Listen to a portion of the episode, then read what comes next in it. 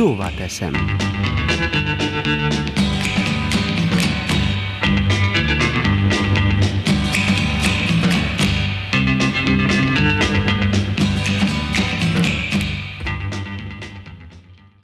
Te olyan vagy, mint a kocka. Szóval, mint a szabályos hexaéder, egy speciális téglatest, amelynek 6 négyzet alakú lapja és 12 egyenlő hosszúságú éle van, amelyek 8 csúcsban találkoznak. Egy teljesen szabályos térbeli geometriai alakzattal hasonlítottak össze, amikor említést tettem személyes tulajdonságomról, amely szereti a rendet és szereti elkerülni azokat a kellemetlenségeket, amelyek időbeni tervezéssel és a megbeszéltek betartásával elkerülhetők. Mert a meglepetések, a rögtönzés emellett is bekövetkezik. Felkészülten könnyebb lebonyolítani a feladatokat. Ez az én elvem, amely a legtöbb esetben be is bizonyosodott. Lehet, hogy akár a kocka lapjai és élei nem változtathatók tetszés szerint, én sem tágítok az elképzelésemtől, s ennek B és C változatának precíz kidolgozásától, ami miatt kívülről talán szigorúnak látszom. Valahogyan a lesz, ahogy lesz hozzáállás nekem csak akkor jó, amikor senki vagy semmi nem függ döntéseimtől. Az aktuális életkörülmények, pontosabban az egészségünkről és jövőnkről szóló lépések, az elhamarkodottság, a ki nem dolgozott, vagy éppen pontig nem jutó döntések a precíz megfontolás hiányának érzetét keltik az emberben. Akkor is, amikor új és ismeretlen dolgokról van szó, az elvárás az, hogy megfontolt és kivitelezhető intézkedések bevetése következzen. Legyen megindokolt és szavahihető.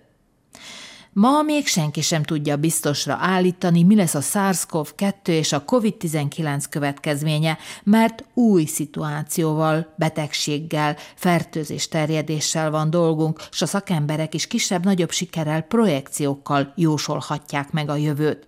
Mégis úgy érzem, az elképzelt intézkedések lakosság körében való kivitelezésére vonatkozólag felkészültebbnek és pontosabbnak kellene lenni. A legutóbbi eset, amely erősíti megérzéseimet, a hétfőn életbe lépett rendelet, amelynek értelmében minden szolgáltatónak kötelessége ellenőrizni a pöcötő bizonylatot.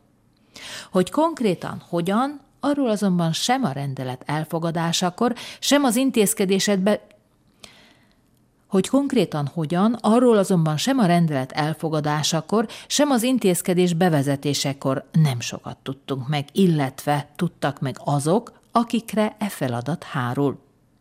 Applikációt ígértek, amely aztán túl sok személyes adattal bírt, ezért alkalmazása nem felel meg. Csak remélni merem, hogy nem jut arra a sorsa, mint az Ostanis Drau, amely az önként bejelentkezett koronavírus fertőzöttekkel való kapcsolatról volt köteles tájékoztatni azt, aki eme applikációt letöltötte. A valóság más volt, és ez a projekt feledésbe merült. A héten az orvosi kamara nyilvános tanácskozásán az egészségügyi miniszter az őszi időszakra vonatkozólag a COVID betegek arányának ugrásszerű növekedését jósolta, amennyiben az átoltottság aránya nem lesz 60-75 százalékos. Az oltás népszerűsítő kampány folyamatban van. Az oltás elleni propaganda ugyanúgy. Ugyan kinek kellene hinni? Kinek vannak precízebb utasításai, adatai, indoklásai? Az egészség megőrzése mindenki érdeke. Amikor e céllal utasítások készülnek, csínyán kell bánni a dolgokkal. Lehet, hogy ez esetben jól jönne a kocka elmélet, a precízen kidolgozott előírások, ezek megvalósításának konkrét lehetőségei, amikor nem szükséges dús fantázia ahhoz, hogy kitaláljuk, mit is akar tőlünk az új szabály elrendelője.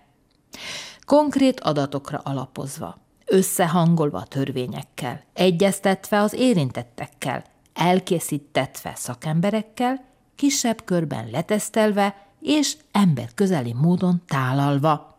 Nos, ez lehetne a jelenlegi helyzet helyre billentéséhez szükséges kocka, hat egyenlő lapja, amely megkönnyíteni az emberek életét.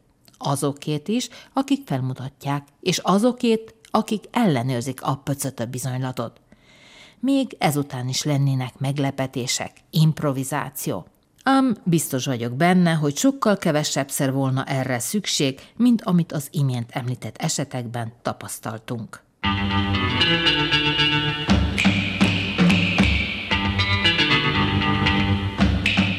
Szóval teszem.